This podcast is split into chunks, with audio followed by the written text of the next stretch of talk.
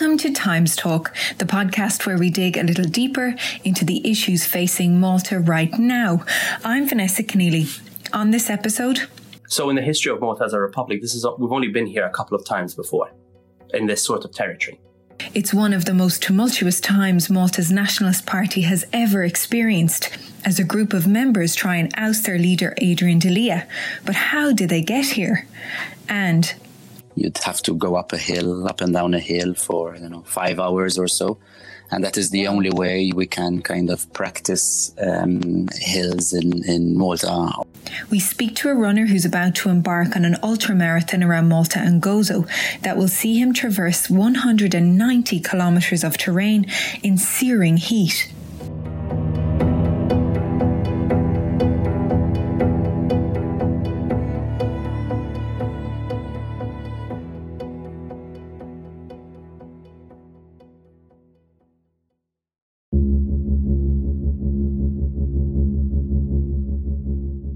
It's been a fractious few weeks for the Nationalist Party. 19 members of the party's parliamentary group voted against opposition leader Adrian Delia in a confidence vote last week. But Delia is refusing to resign, insisting he must respect the will of the party members who elected him. So what now? This interview was recorded before Adrian Delia lost a second vote of confidence on Tuesday night this time within the Nationalist Party's Executive Committee. Joining me now to explain this some more is Times of Malta reporter Ivan Martin. Hi, Ivan. Hey. So let's go back a little bit. Uh, who is Adrian Delia? Adrian Delia is the leader of the Nationalist Party and the leader of the opposition. He ran to take over the Nationalist Party in 2017 on the back of two electoral defeats that the Nationalist Party had suffered to the Labour Party. But he hasn't exactly been squeaky clean. Adrian Delia ran in 2017 as the anti-establishment candidate after the PN had lost heavily twice at the polls. Now, from the get-go, uh, he was he faced strong criticism from within the party and some of the party supporters and allegations of past wrongdoing, including money laundering with ties to London based brothels. And it's allegations like that that have hounded his leadership of the Nationalist Party. And this isn't the first time there's been a no confidence vote. So last summer, uh, members of the Nationalist Party were asked to vote on whether or not they had confidence in Adrian Delia leading the party until the next election. And although he was facing a lot of criticism at the time, he won a vote that was held among some 15,000 members of the Nationalist Party. So the public were effectively happy with him?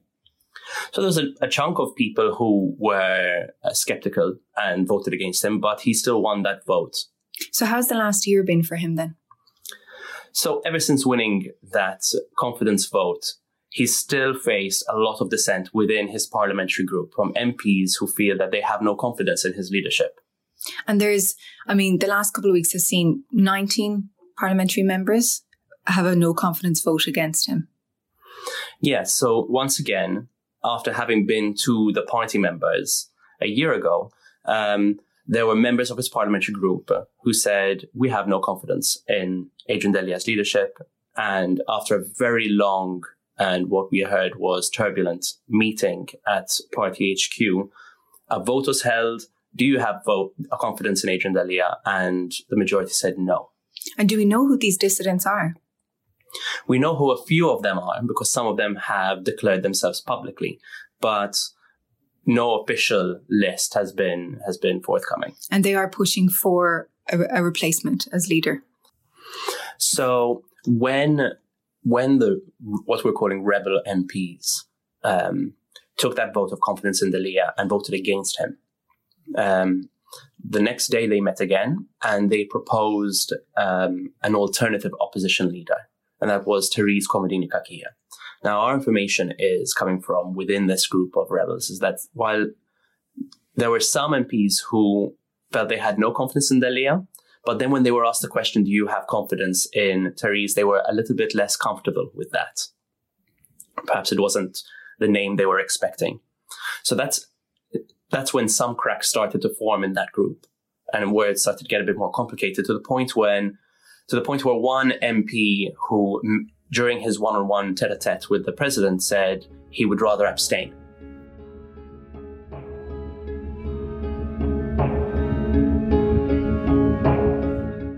Over the past couple of days, dissidents within the parliamentary group triggered a process that um, is tied to the Maltese constitution. And that process was whether or not they could remove Adrian Delia from his constitutional role as opposition leader. That doesn't mean that he can't still be opposition lead, uh, leader of the Nationalist Party. So there, there are two different roles here. There's opposition leader, which is the leader of the opposition party in parliament, and then leader of the Nationalist Party, which are governed completely separately and independently of one another. It's quite complicated then. Yeah, so early on, Adrian Delia made it very clear that he was elected in the most democratic way possible as leader of the Nationalist Party. And he had no intention of rescinding that. And he was going to lead the party until the next election. Now, the last few days with this constitutional situation have become very complicated. You've been picking through thousands of words trying to understand. I mean, it's it's it's a complicated situation that is quite vague and you know, do you think it's is there any way that you what you what do you understand it to be to explain it in its simplest form? So in the history of Malta as a republic, this is we've only been here a couple of times before in this sort of territory. Uh, and so the president is the guy who has to decide on this. And in many ways, this was the first really serious decision, impactful decision that any president has had to take. So we don't know who he was speaking to. We hear murmurs and, and rumors, but our understanding is that he consulted some un- unidentified constitutional experts and they told him, they told the president that there appears to be a loophole. This is the interpretation that the president gave when he announced his decision this week. The advice the president was given seems to say, in a nutshell, that Adrian Delia doesn't enjoy the support of his MPs. And the president ascertained this by meeting with all of the MPs one by one and asking them, what do you think about this guy? But at the same time, the constitution makes it clear, the president says, that the leader of the opposition has to be the leader of the largest party in opposition, which Adrian Delia still is. So he, he basically came to the conclusion that he shouldn't be opposition leader, but if I remove him, I'm going to have to put him back there again. So in his in his position, the president spelled it out really that he was not following the letter of the constitution. Um, but following his interpretation of it is that, or is that too not, e- to say? Not, not, even really. He he he uses the word um, continuity. In his opinion, the most important um, aspect of this was that Parliament continues to function. Today's Tuesday. We're kind of in a holding pattern now with this with this story and this situation. What what deadlines do we have coming up this week?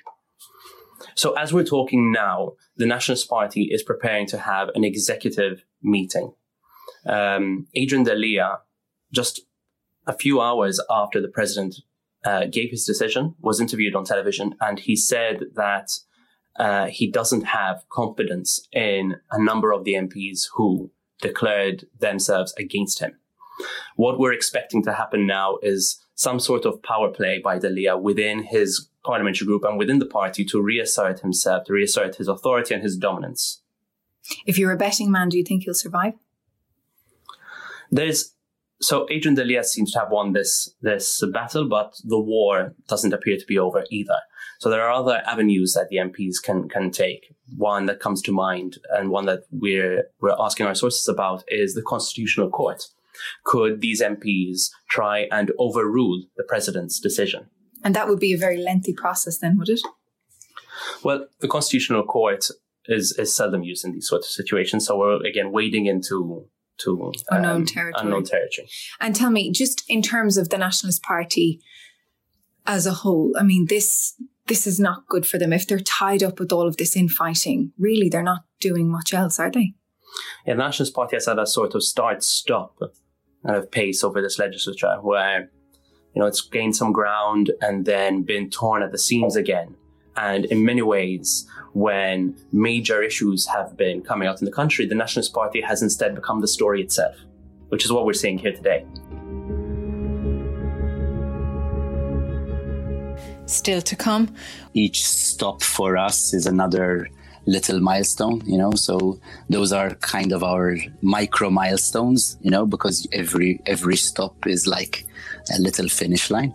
We learn how one man is mentally preparing for a 190 kilometre run.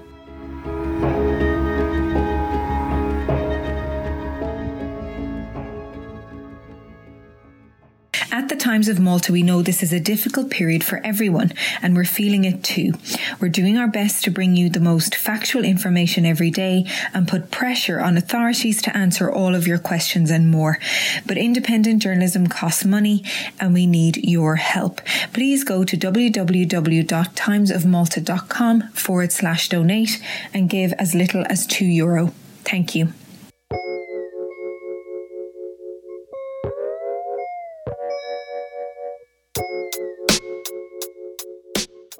On the 25th of July, in the middle of the night, two men will set off from Independence Gardens in Sliema with the aim of running 190 kilometres around Malta and Gozo. Claudio Camilleri and Patrick Tabona say it's the first time a feat such as this has ever been attempted. Claudio spoke to me about the challenges that lie ahead uh, most of this run will be on trail. Okay, so it's kind of 70% trail and 30% road. Uh, we will make our way north up to Gozo, then go around Gozo, uh, then come back down and make ourselves down to the on the west coast um, to come back to the Independence Gardens roughly around 35 hours later. Okay. And when you go to Gozo, I mean, do you jog up and down on the ferry or do you get a break? we we were planning to get the ferry, but um, uh, we've changed our we've changed our um, strategy. Somebody with a, a small boat will be helping us cross to avoid any extra waiting time uh, in Ċirkewwa so um, uh, there won't be much space to jog on the on the small boat. so, but you can you can build it into your resting time. exactly. In fact, we will probably um, that is one of the both both um, uh, stops, both from Ċirkewwa to Mġarr and then from Mġarr back to, to Malta will probably be used for us to eat something a little bit more substantial. We've um, we have around uh, 19 uh, stations, 19 stops in all across the race, across the run. Sorry. Um, uh, primarily, the use of these stations is to replenish us with water and to have the food that we need to eat as we go along uh, the run. So each stop could last anything between three to five minutes. It depends on the situation, obviously. And you're not doing this alone? No, this is Patrick uh, Tabona and myself. So uh, we are two. Um, we will have some runners that might uh, join us um, in different parts of, of the island. Um, so uh, that that will be great company, especially as we approach, uh, hopefully approach the the, the end. Uh, but it's two of us who's doing the run.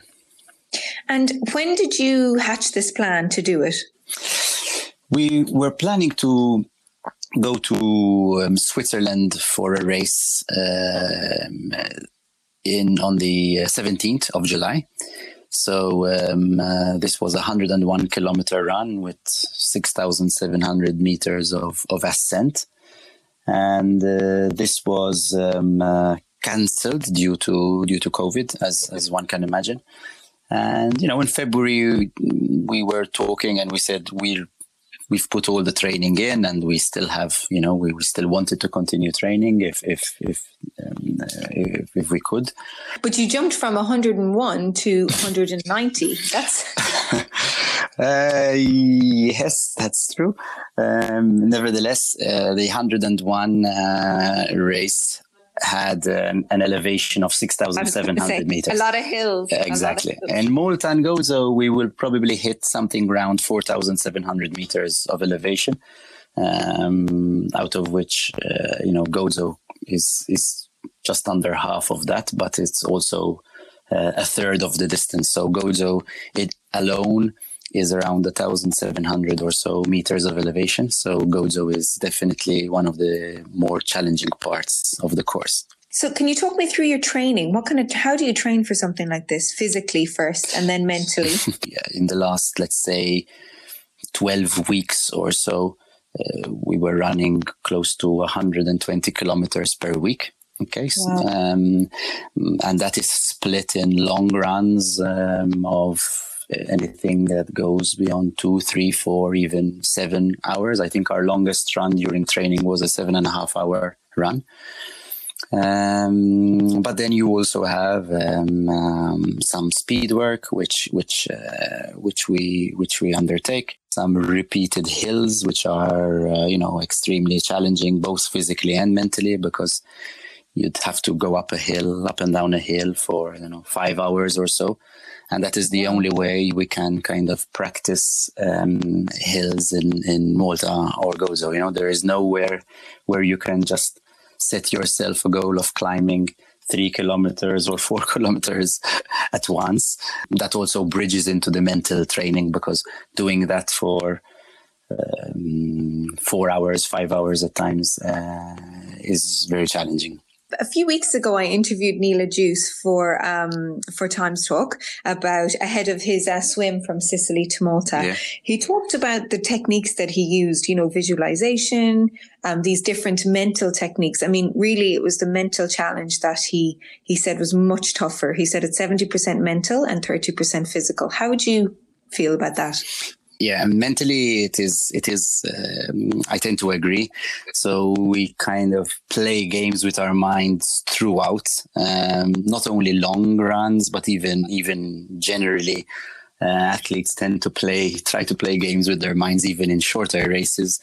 Um, in our case we're trying to break it down in many little parts you know so um, uh, each each stop for us is another little milestone, you know. So those are kind of our micro milestones, you know, because every every stop is like a little finish line. Are you nervous about the heat? Uh, yes, um, uh, we're fully aware that the heat is possibly one of the the greatest uh, challenges that we have. So body with our bodies overheat, then uh, we're in, we're in trouble. You know, so um, we have to be very careful about that. In fact. Um, this is this is uh, unlike unlike certain runs or certain races rather this is the challenge over here is to keep um, is to conserve energy you know so both by making sure that we eat very frequently and by finding ways and means to keep hydrated and our body temperatures as low as possible. And what will you be eating and drinking? Um, a mixture of things. So we do have our isotonic um, uh, liquids that have carbohydrates inside it and electrolytes inside it. So obviously that is being consumed throughout the run.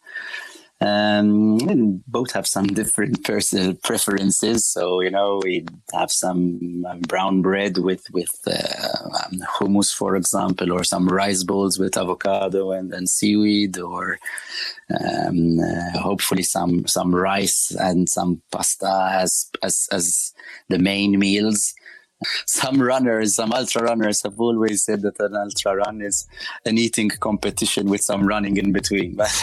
so. Yes.